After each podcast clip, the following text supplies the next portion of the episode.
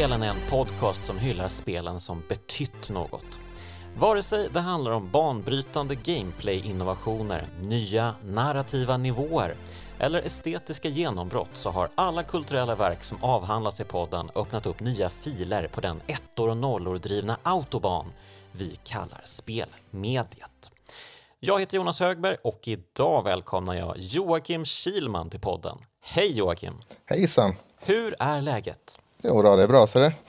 Tackar som frågar. Du eh, sitter i, vad kan det vara, någon värmländsk stad får jag anta? Mm, Karlstad till och med. Ja. ja, jag vet ju inte så jättemycket om dig egentligen, eh, mer än att du var gymnasielärare en gång i tiden, men har liksom snubblat in på eh, spelskrivandet på senare år, eller hur lägger det till? Ja, ja men så är det ju. Jag har eh, jag utbildade mig till gymnasielärare en gång i tiden, mest för att jag var litteraturintresserad från början och, Mm. och tänkte att jag skulle eh, doktorera i litteraturvetenskap eller någonting, men så blev det inte, eh, för det orkade jag inte hålla på med. Okej. det, kändes, ja, det känns jobbigt och sen kom det en massa andra saker i vägen. Men jag blev, jag blev lärare och insåg att det vill jag inte heller vara. Och då hade jag redan, också redan börjat skriva om framförallt om musik i Nya Värmlandstidningen och sådär. Och, eh, sen började jag skriva om spel för loading och därifrån i PC Gamer och så här. Och eh, även i NVT skrev jag om och FZ också. Just det. Ehm, men okej, så du började som um, skivskribent, eller vad säger man, musikskribent? Ja, precis. Um, Okej, men eh, så att eh, det har alltid varit liksom, det har legat dig varmt om hjärtat, det skrivna ordet. Ja, jo, det var väl eh, tidigaste jag kunde komma på att jag ville bli författare eller journalist eller liksom bara någonting som har med att skriva att göra. Ja, du är ju den första gästen i Kraftspelen som eh, alltså inte skrivit för Superplay. Hur känns det? Mm, vilken, ja, det är en ära. Ja, Eh, Superplay Ja, var, var ju innan, eh, innan jag hade börjat skriva om spel så det, det kunde jag omöjligen ha skrivit för. ah, ja okej. Men eh, du kanske någon gång har läst ett Superplay-nummer, vem vet? Ehm, Ja, eh, antal. Och då, eh, Ett antal. då, ja. då ändå läste jag inte så mycket tv-spelstidningar på, på 90-talet eller 00-talet egentligen. För Mm. eftersom jag mest spelade på dator då. Eh, Men jag läste ändå en hel del Superplay för man måste ju, jag var tvungen att kolla vad jag går miste om. Just det, man måste utbilda sig. Ehm, så är det. Men du, alltså jag har ju fått intrycket att du spelar extremt mycket spel. Ehm, I alla fall när du verkligen frilansade fullt eh, hus liksom för FZ och PC Gamer. Ehm, det kändes som att du hela tiden kom med liksom speltips på Twitter och så. Eh, hur, många, hur många spel klipper du på en vecka egentligen? Eh, just nu är det inte alls lika mycket.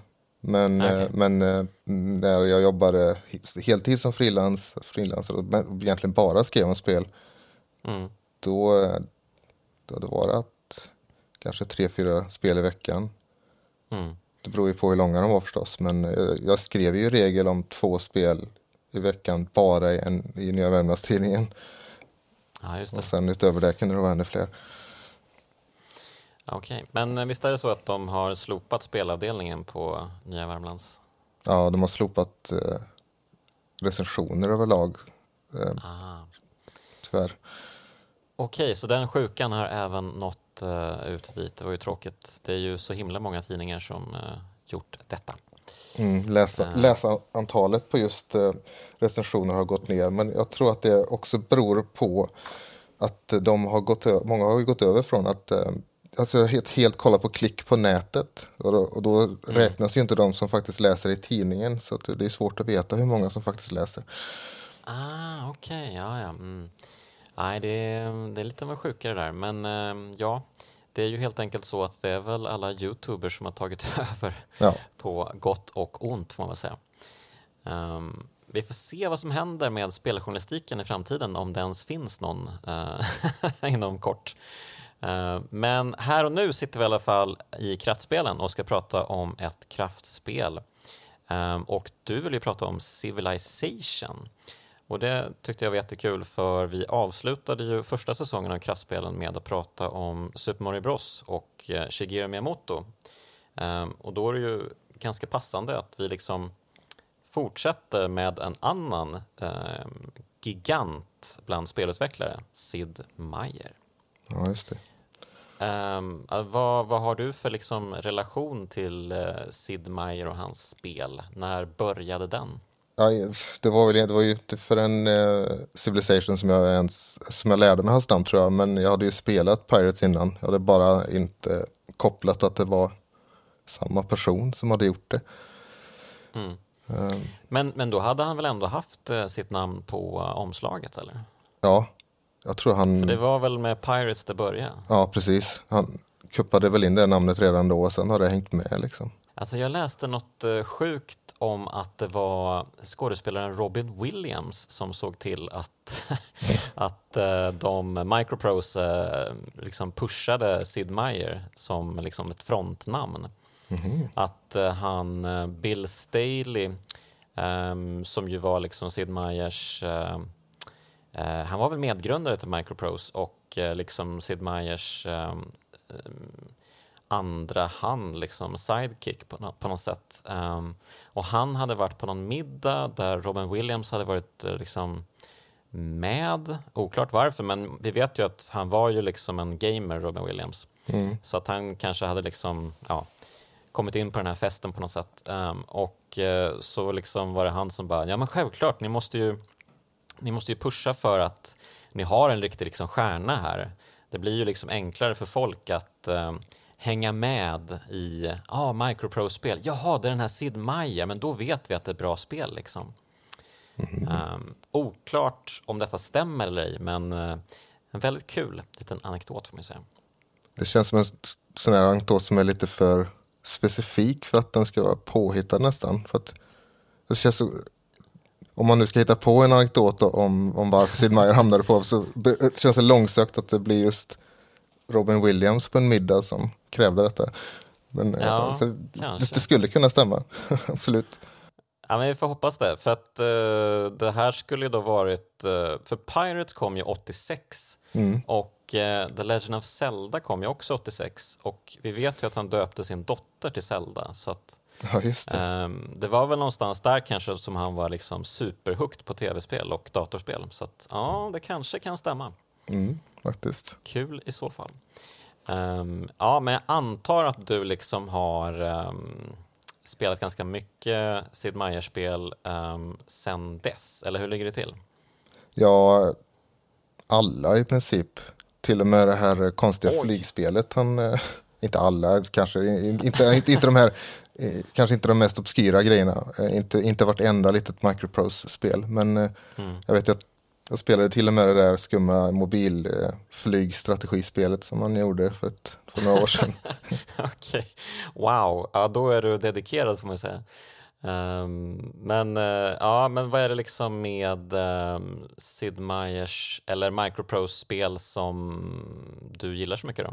Uh, det som var så allra först när jag, när jag hörde talas om Civilization så lät ju själva konceptet så himla intressant. Men jag, jag, såg, jag läste om det i, i Datormagasin, den gamla svenska tidningen, eh, om Amiga-versionen då. Eh, mm. men, och det lät så himla coolt, men alla bilder på det fick mig att tänka att det här är säkert inte så coolt. ser för jävla tråkigt ut. Och ja, okay. eh, grafiken var ju liksom ganska tråkig även för den för den tiden ärligt talat. Um, och det mm. såg ut som ett typiskt sån här, ja men strategispel på 80-talet var ju väldigt ofta såna, inspirerade av Avalon Hill-brädspel och sådär. Den sortens mm. hardcore som mest är för uh, pappor som bara läser om Stalingrad, slaget i Stalingrad och sånt där och som kan, kan allting om tanks och sådär och det är så jävla ointressant ja. för mig. Eh, så jag var ju rädd att det skulle vara ett sånt spel. Ehm, mm. Så när jag väl spelade det, vilket var ett par år efter att det hade släppts ändå, för jag hade ingen PC på den tiden heller. När det, släpp, mm. det släpptes 1990, jag fyllde ju 30 förra året. Ja, 91 va? 91 menar jag, ja mm. precis, det fyllde 30 förra året och det var så 91. Eh, mm. Så jag spelade det 93 kanske, då, hade jag köpt, mm. då köpte jag det på eh, någon samling tillsammans med något skräpspel, jag har glömt bort vad det var. Um, och det som slog mig direkt var ju att det här är ju precis hur lätt som helst att bara komma in i och förstå. Jag behöver inte läsa manualen knappt utan det enda man behöver göra är att testa sig fram och så märker man vad som händer. Så, så, och så var det med ganska många Microprose-spel som inte var de här flygsimulatorerna så där som de eh, gjorde sig kända för först. Jag kan tänka mig att de är fruktansvärt svåra. Ja, de är helt omöjliga. Det går inte, att, går inte ens att lyfta från marken i dem om man inte är utbildad pilot. Mm -hmm. okay, okay, ja. I alla fall inte för mig. Eh, men annars mm. alla de här Colonization och även eh, spel som inte Sid Meier var inblandad i som Master of Magic och sådär som mm. var Civilization-aktiga var ju väldigt lättspelade. Ja, alltså jag har ju spelat Civilization för första gången nu. Eh, jag har ju aldrig spelat ettan förrän eh, nu då. Ehm, och det var ju, eh, det var ju en, en härlig upplevelse på många sätt. Dels för att det var lite så här nästan chockerande att nästan allt var ju på plats redan i första spelet. Mm. Um, det här, jag trodde ju att det skulle vara liksom så en gradvis utveckling.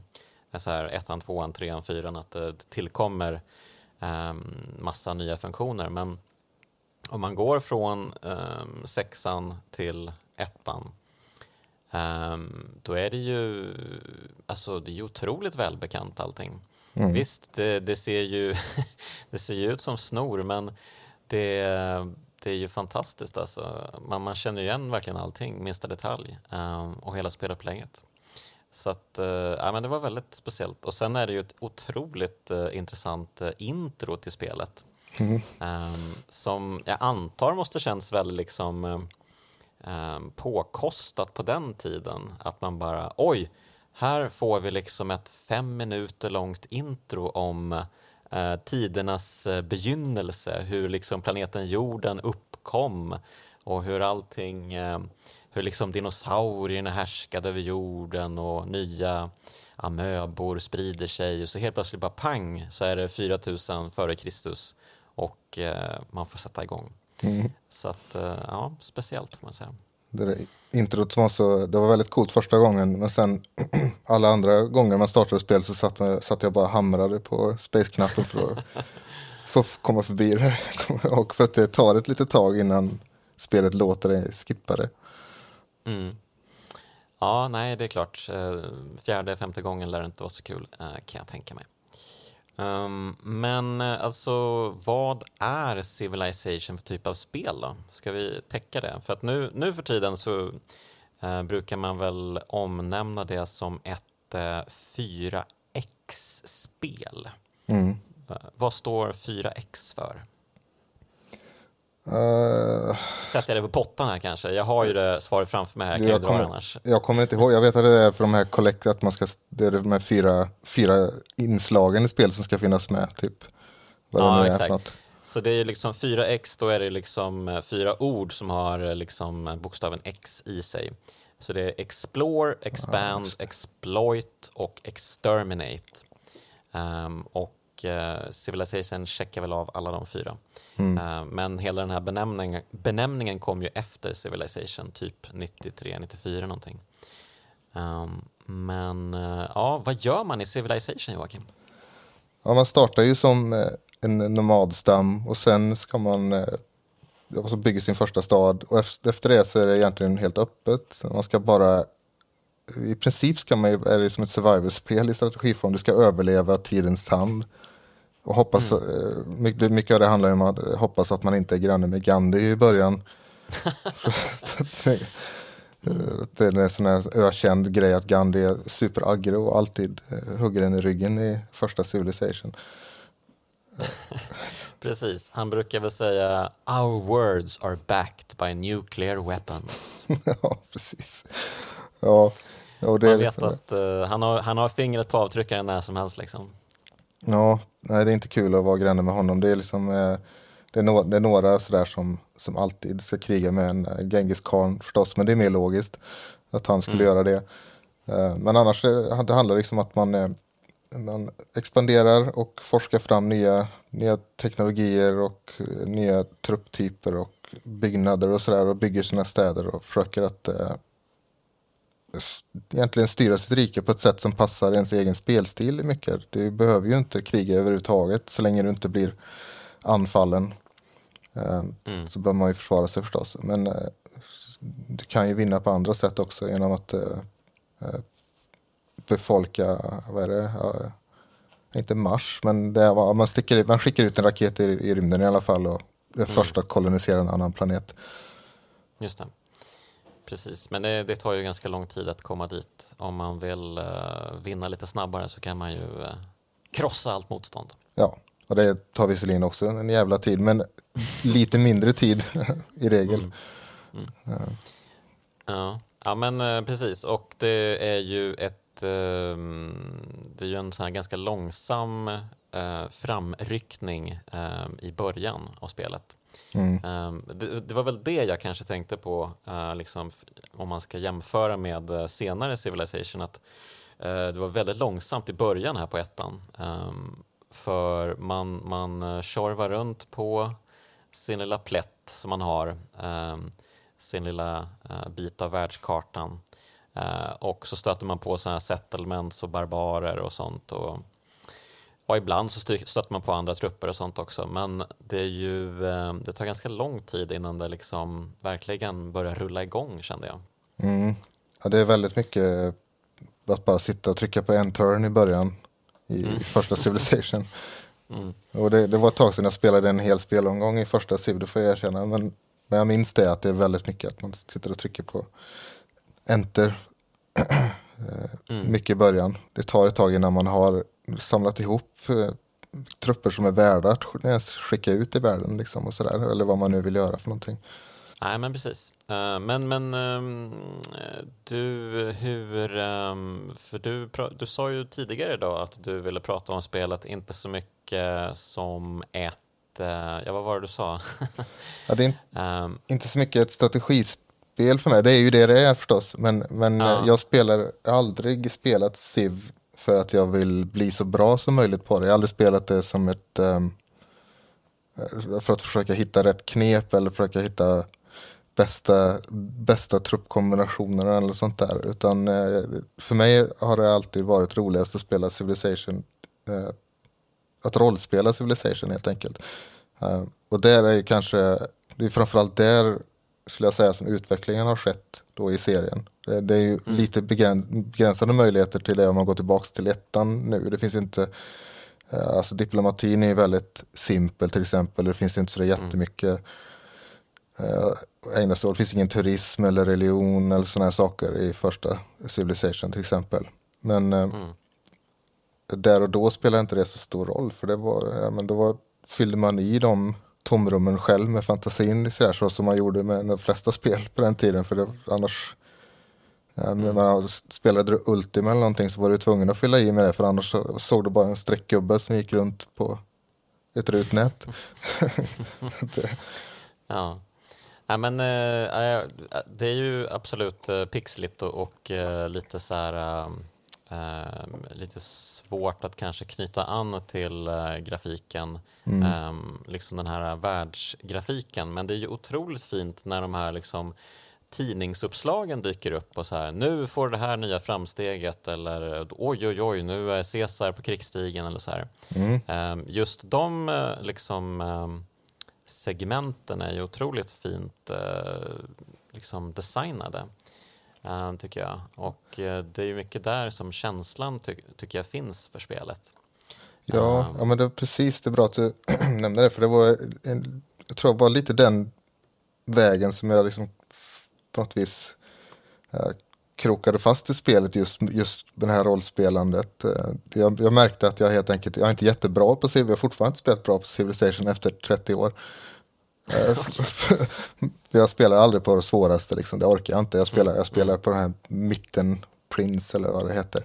Och det har jag alltid gjort, för jag orkar inte, jag orkar inte kämpa mot de här värsta fusk-AIn som jag tycker att de är. Jag, jag vet inte ens ja. om de fuskar, det bara känns så. Nej, men eh, det är ganska många som ändå känner det, eh, har man ju märkt. Eh, det ju, finns ju liksom massvis med forumtrådar om fuskig AI i Civilization-spelen, har man ju sett genom åren. Så att mm. man undrar ju om det inte är lite så här gummibandseffekt på vissa saker och så. Jo, det är ju typiskt i, i, i strategispel överlag att de högre svårighetsgrad innebär att de börjar med bättre resurser än vad man själv gör. Det är bara blev bara störigt. Jag blev sur. Mm. Men så det var de här tidningsklippen och så här, det påminner mig faktiskt om eh, världsbygget i Punch Out av alla spel. Där det också är, Mhm. det kommer ju upp en sån här liten, jag tror det är när man har, eh, om det är före sista, före Mike Tyson så kommer det, så hamnar man i tidningen i det här spelet. Det står, kommer det bara upp en liten skärm så är man i tidningen.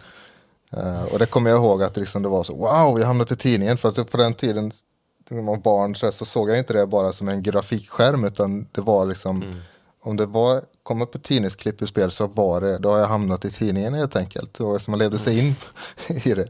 Och så var det lite grann med det här Civ också, när de här små rutorna kommer, när man eh, grundar en ny stad, eller ens eh, nybyggare kommer med oxarna och grejer. Och, Just det. Ja. och sådär. Och sen de här små tidningsklippen som förklarar vad som har hänt och, i världen. Och så. Det, det gör att man kan leva sig in i det eh, på ett annat sätt. Mm. Ja, men jag håller verkligen med. Eh, och då, där vill man ju liksom stanna kvar eh, istället för att återvända till den här lite mer plottriga världen. Ehm, och själva staden, just den biten fann jag ganska så här svårmanövrerad. Det var liksom svårt för mig att förstå hur jag skulle liksom plantera ut grödor på min lilla plätt och, och liksom allt ehm, runt omkring där. Liksom. Ehm, så att eh, jag hade nog faktiskt behövt den, den där 120 sidor tjocka manualen faktiskt. Ja, just det. Ehm. Ja, det man placerar ju inte... Ja, just det, du menar så ja. Man, man placerar ju ut sina arbetare på, Ja, runt precis. staden där. Ja. Sen, först senare så kan man ju... eh, Det, jag- var ju också så att spela lärde mig en del av, av saker av. eh, Ord som irrigation och sådär som jag nog förmodligen inte hade lärt mig i den åldern annars. Eh, Men när man väl liksom forskar fram sådana där saker och kan faktiskt eh, plöja upp åkrar och, och bygga Mm. gruvor och sådär runt omkring så blir det lite tydligare. Men, eh, men nej, eh, det är lite så pilligt i stadsskärmen. Det kommer jag ihåg att jag, det tog ett tag för mig också att fatta att jag faktiskt kunde eh, manuellt gå in där och styra eh, över mer över städerna. Mer än att bara bygga eh, olika byggnader. Ja, precis. Ehm, och olika typer av enheter och eh, sånt. Mm. Ehm, men ehm, det, blir ju, det blir kul sen när man får liksom möjlighet att bygga stora underverk och sånt. Och det är väl eh, då liksom, för de, det blir ju ändå ganska fint när man ser liksom kolossen på Rhodos, eh, hans ben eh, stå i bakgrunden på staden. Liksom. Ja, precis. Det det, det är så fina, men jag tycker de är jättefina de här bilderna verkligen, eh, stadsöverblickarna och tidningsbilderna. De har gjort ett kanonjobb med, med just eh, de detaljerna tycker jag. Mm, och det har blivit ett, ett, eh, signum genom åren i, i de här Civilization-spelen att alla delar gör någonting, gör någonting eget med de här. Eh, I tvåan var det ju eh, full motion video som gällde, det var FMV-sekvenser. Jaha, okej. Oj då. Det spelet är ju det är Windows 3.1 tror jag, så det kan ju inte bara dra igång hur som helst. Jag har, jag tror jag har fixat så att jag kan emulera Windows 3.1 och faktiskt spela det, men det ska man köra Civ 2 idag så är det lite krångel, tyvärr. Ettan är lättare att köra, det kan du bara köra i, i DOSBox eller som du skrev att det fanns en, eh, en version direkt i webbläsaren till och med.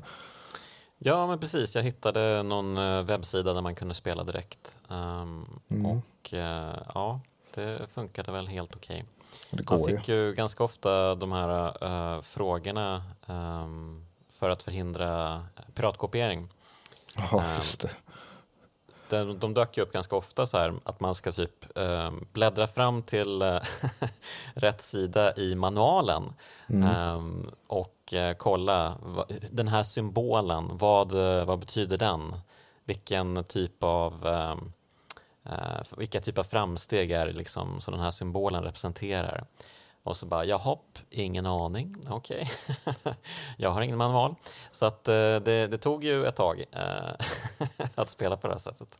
Ja, precis. Ja, det kommer jag faktiskt ihåg det. Eh, Jag tror att det kommer några gånger de första timmarna, sen, eh, sen slutar det det Så jag, jag tror jag är upplagt på det sättet. Ehm, Men det Just minns det. jag. Och svarar man fel så har jag för mig att jag blev, ut, man blev utslängd till DOS-prompten direkt. I, original, originalversionen. Ja, det är möjligt. Just här när jag svarade fel, då blev det så att uh, folket, uh, de typ, uh, alltså det kom någon usurper, någon usurpator, säger man så? en, en snubbe som helt enkelt dethronade mig tillfälligt.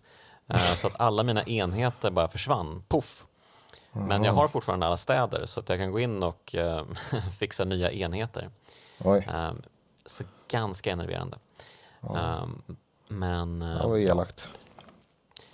Ja, men jag får skylla mig själv som försöker spela det gratis på internet. Mm.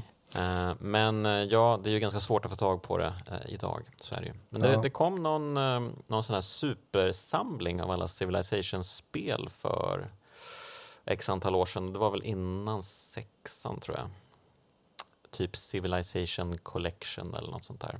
Mm, jag önskar att de kunde eh, börja sälja ettan och tvåan igen eh, på Google eller var som helst eller Steam eller någonting. Men de, för de finns inte just nu. Trean och fyran och femman och sexan finns. Mm. Mm. Men inte ettan och tvåan. Och det är lite synd. För, eh, särskilt tvåan vet jag är väldigt populär bland många fans fortfarande. Just för de här FMV-sekvenserna så där, som inte finns i någon av uppföljarna. Um, mm. Alla gör ju sin lilla grej, alla lägger till någonting. Uh. Mm. Jag tyckte att det var en kul eh, detalj att uh, de har en ny eh, lead designer för varje nytt uh, Civilization-spel. Mm, um, och det dyker alltid upp någon ny person som vill liksom göra sin egen take på spelet. Så att uh, det enda spelet som Sid Meier faktiskt utvecklat, uh, ja han har ju självklart varit liksom rådgivare på alla spel och så. Mm. Men det är ju ettan som är Sid Meiers spel. Ja, precis. Nej, efter det har han ju gjort en massa andra koncept som inte har slagit lika, lika stort då. Men han, då han, han har liksom alltid ägnat sig åt, åt annat mestadels mm. efter Civ faktiskt. Ja, men precis. Det känns lite som att uh, han, han hade sin storhetsperiod där verkligen och det var liksom en helt galen storhetsperiod. Uh, mm. Men sen dess har det väl, ja, precis som du säger, gått uh, lite sämre helt enkelt. Ja, det har varit väldigt upp och ner. Han gillar golf, så gjorde han sin golf. Och, så här. Som mm. visserligen är, det är småroligt, så här, men det är verkligen en, en bagatell om man ställer det bredvid Civilization. Ja, alltså det är ju så, det är ju verkligen helt crazy att de typ 1991 alltså, eller 90 när han började liksom utveckla spelet, eh, bestämmer sig för att, nej men eh, vet ni vad, nu ska vi göra ett spel som har allt. Allt. Mm, eh, och typ nästan lyckas med det konststycket. Ja, lyckas över förväntan verkligen med tanke på att spelet ju släpptes till, till Amiga till exempel och sådär. Och, och mm. till tidiga dos, eller tidiga dos, ja, men tidigt 90-tals PC-apparater som inte riktigt var gjorda för spel alla gånger. Förstår inte mm. ens hur, hur det gick till men ja, på något, något sätt fick de till det där. Det helt för det är ju det är ett väldigt ambitiöst eh, koncept. Eh, att liksom mm. låta det bygga, inte bara en nation under en viss era eller, eller, eller styra en nation under ett visst slag så där, som var typiska, utan att verkligen ta ett folk genom hela, hela den mänskliga historien mer eller mindre. Ja men så är det ju. Uh, ja det är ju helt sjukt faktiskt.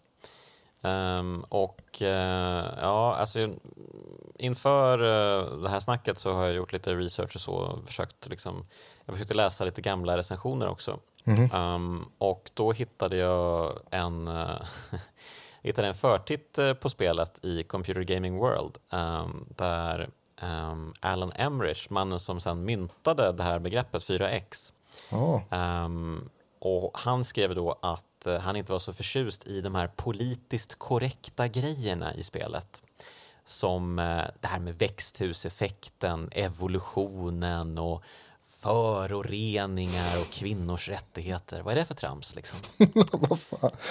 Okej. Okay. Så eh, ja, man, man, man, jag undrade lite så här. Jag, jag är ju ofta en sån här förespråkare för saker som ja, men det var kanske bättre förr ändå eh, ibland. Men, eh, ja, men det kanske ännu inte var det, kom jag på sen eh, när jag läste den här recensionen eller förtiteln. Han var, det känns som att han var före sin tid snarare då. Han var liksom eh, det ultimata internettrollet redan då på något vis. Att han bara, ja men jag, kvinnors rättighetsgrejen och så, det är ju inte någon stor del av spelet. Det är ju liksom bara en, en av många framsteg och utvecklingar och sådär som inte läggs någon värdering i spelet heller ens, utan det är bara saker man forskar fram och så.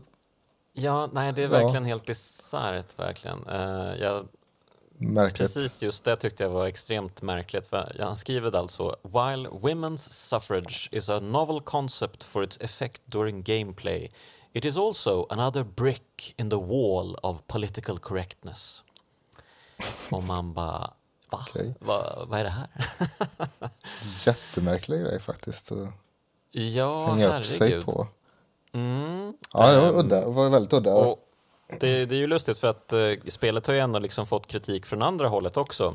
Ja, visst. Det här att uh, till exempel om man spelar mot uh, Zulu så är de överdrivet så här krigiska. Um, att ja, men vissa av de olika liksom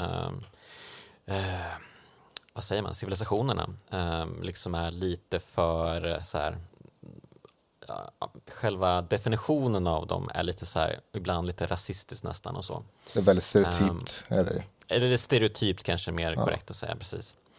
Um, men så det var ju intressant då att läsa en take där det var liksom helt åt andra hållet verkligen. ja, väldigt udda. Ja, men den här, den här stereotypa grejen har de ju hållit fast vid lite grann, fast gjort lite mer lekfull med åren då. Mm. Jag vet att den skotsk, i sexan så kan man ju vara någon, Skottland till exempel och deras specialbyggnader, eh, golfbanor mm. och sådana saker. Det blir sådana lite fåniga saker.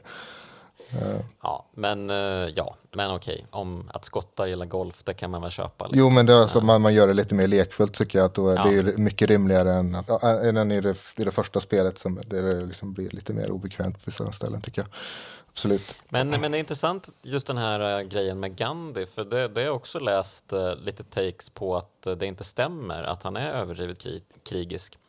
Um. Att utvecklarna menar liksom att nej men det är bara någonting ni fått för er, bara för att ni har någon gång fått se Gandhi säga det här med kärnvapengrejerna och bara va? Det är ju Gandhi, han kan inte säga något sånt. Och att bara att han säger det en gång är liksom för många gånger liksom. Mm. Jag tror det stämmer Men... faktiskt. För att det är, det är, en sån här myt att det är en bugg. Som mm. är jag rätt säker på, för jag har också läst flera gånger att det liksom stämmer inte att det är en bugg, att han är mer aggressiv än någon annan. Eh, mm. Det är bara att han inte är mindre aggressiv än, någon annan. Det tror jag bara det. Mm. För, som, jag, som, som jag läste så är, är det egentligen ingen större skillnad på dem. Man, man upplever det mm. så. Ja, det är ju intressant eh, om det verkligen är så att eh, AI är liksom helt neutral för då lägger man ju in sina egna um, stereotypa idéer om vissa mm. liksom, folkgrupper och civilisationer och sådär. Så det hade varit äh, intressant att få svart på vitt någon gång om det, hur det faktiskt är med det där för jag upplevde ju definitivt vissa jag vill ju absolut inte vara granne med, med Genghis khan för liksom jag bara antog att han mm. jag, upplevde det som att han alltid anföll mig då det, det, men det kan ju vara så att när man antar det så anfaller man själv först till slut och så blir det alltid krig eller något. Jag vet faktiskt inte. Ja men det, det är möjligt att det är så. Samtidigt tänker jag att, uh, tror du inte att de ändå liksom har tagit fasta på det i senare Civilization-spelen då? Att, det har de. Mm. Mm. I sexan särskilt så är det ju väldigt att alla har sina olika agendor och sådär som de agerar efter. Mm. Det var ju det många störde sig på i sexan och tyckte som inte gillade. Men för mig är det ju bara en en naturlig utveckling av det jag tycker om med serien. Det här rollspelandet, att du väljer en, eh, en nation eller en ledare till och med och så rollspelar du efter den, den karaktärens eller den nationens ambitioner då, eller hittar på dina egna. Eh, mm. Och försöker att förhålla dig till dina grannars ambitioner och karaktärer. Och så Det tycker jag är skitkul. Eh, även om mm. liksom, det, det, är då också det blir roligare eh, om det går dåligt. Annars blir jag bara frustrerad när det går dåligt. Om jag bara är ute efter att vara bra på spelet. Liksom. Mm. Eh, nu, nu, kan ju, nu kan man ju liksom rollspela och se vad som händer. Och så får man se hur långt, långt det bär ungefär. Mm. Och, och, den biten är ju mycket mer gångbar för, var, för varje nytt civilization. Liksom, så har det mm de möjligheterna ökat. Men det började redan i ettan ändå tycker jag. Och sen då hur mycket det var inbildning och fantasi, det är svårt att avgöra så här i efterhand tycker jag. hur mycket, hur mycket AI faktiskt betedde sig på ett visst vis och hur, om det snarare var jag som mm. Ja, men, men vissa saker tror jag var, eller vissa saker vet vi var ganska konstiga. Det här med att um, um, uråldriga militärenheter uh, är liksom bättre än moderna om man fortsätter att uppgradera dem. Um, det är en grej som man kan använda sig av i spelet, vilket man sedan slopade då i senare delar av spelserien. Ja. Så jo, det, det, det, är ju en, ja, jag vet inte. en gammal falanx kunde ju ta koll på en tank i, i, av och till i gamla Civ. Absolut, så ja. var det ju. Det var ju helt sjukt. Men... Det är ju helt sjukt faktiskt. Men uh, ja, det, det, de, de, det visar ju framförallt att uh, de inte kunde tänka på allt. Nej, precis. Det är, för det mesta så vinner ju alltid tanken i sådana lägen, men det är inte alltid. Verkligen inte alltid. Och det är nästan alltid när, jag, när det är jag som har tanken som den får stryka också. upplever jag det som. Hmm, ja, lägger du inte in lite för mycket av dina egna värderingar i det här nu? Ja, nej, det tror jag inte. Jag tror nej. att det är så att världen är emot mig och inget är mitt fel. Men eh, vilket är ditt eh, favorit Civilization-spel? Liksom något som tronar överst? Det är så himla svårt tycker jag. Um, jag skulle tro att det jag har spelat allra mest är tvåan, men jag skulle inte säga att, att det är det bästa av dem. Jag skulle säga att, det, att både femman och sexan är bättre. Eftersom de, har, de gör mer, mer och mer av det som jag tycker om med serien. Men mm. man, man får ju också se, se det lite grann till hur bra de var för sin tid. Och där eh, det skulle jag nog kanske säga att tvåan är, är kanske det som det där serien slog högst i toppen för, för mm. liksom, sett till vad det gjorde i sin samtid. Då. Eh, det tog liksom, ja. tog det allt från ettan som var bra och la till ännu lite till och gjorde Uh, ja, och det var ju ännu mer politiskt korrekt så, för det, om du håller på och smäller av atombomber så blir det ju, då blir hela världen ett träsk till slut för att uh, mm. polarisarna smälter.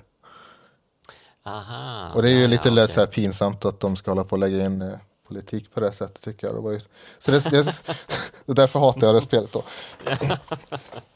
ja, jag förstår.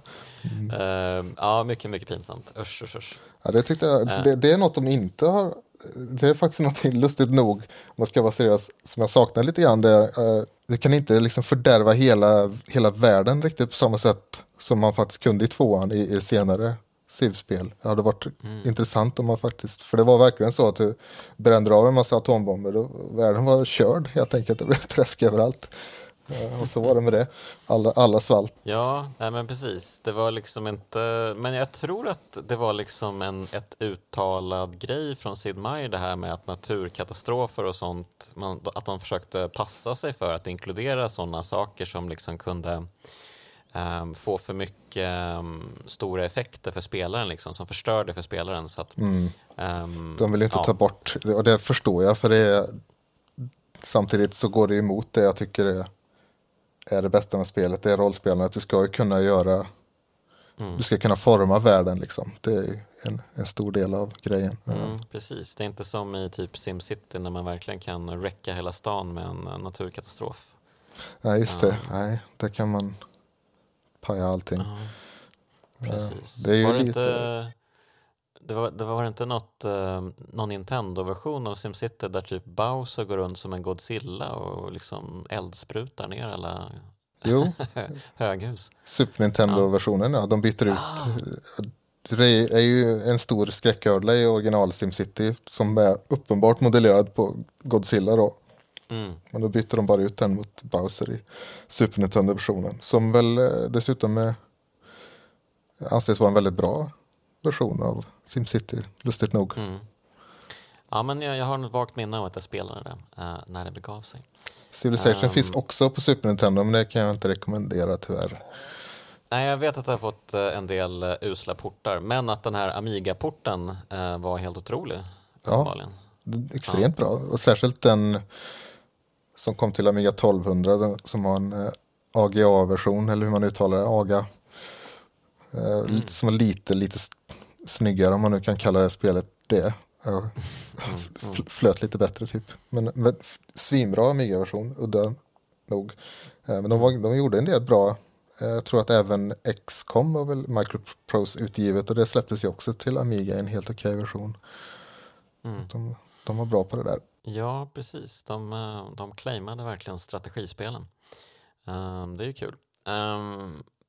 Ja, men eh, okej, okay. ska vi försöka sammanfatta det här då? Um, vad är det med eh, Civilization som du ehm, anser... Ja, men varför är Civilization ett kraftspel? Vad är det som gör det till kraftspel? Det lyckas eh, göra någonting som jag inte tycker att något annat eh, strategispel gör och det är sammanfatta, det, lå, det låter dig ta, inte bara sammanfatta, utan låter dig ta kommando över hela mänsklighetens historia, nej, mer eller mindre i alla fall.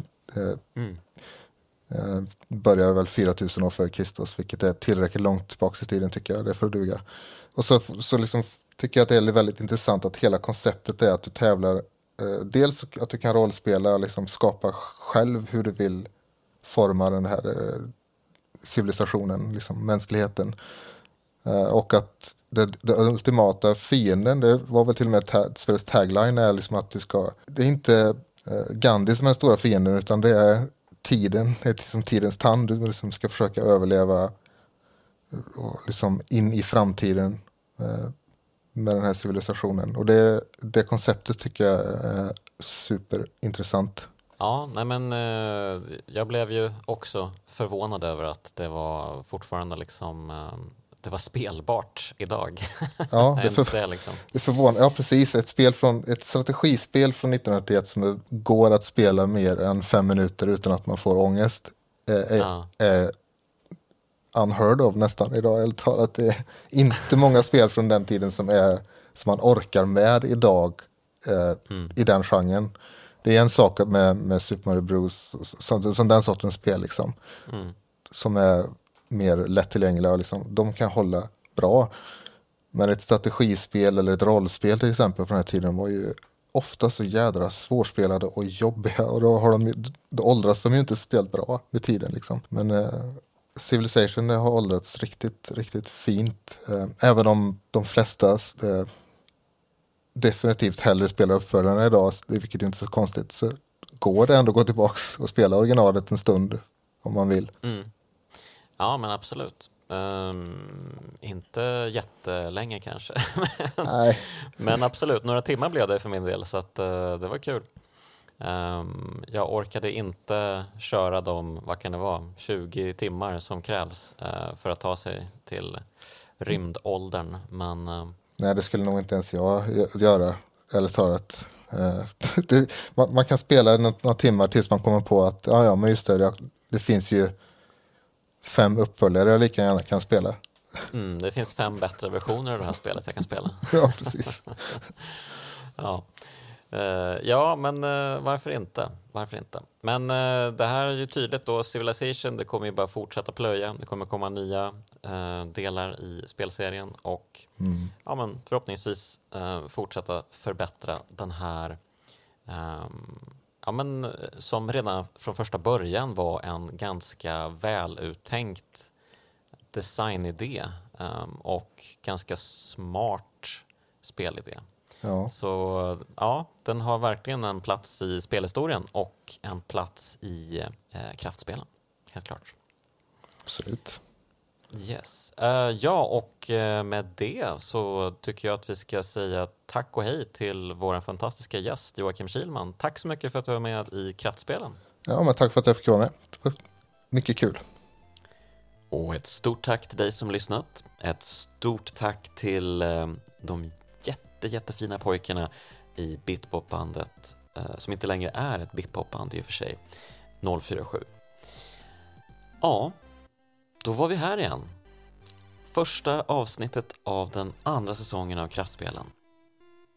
Det är slut och nästa vecka fortsätter vi med ännu mera skoj. Oj, oj, oj. Ha det bra tills dess och spela en massa spel.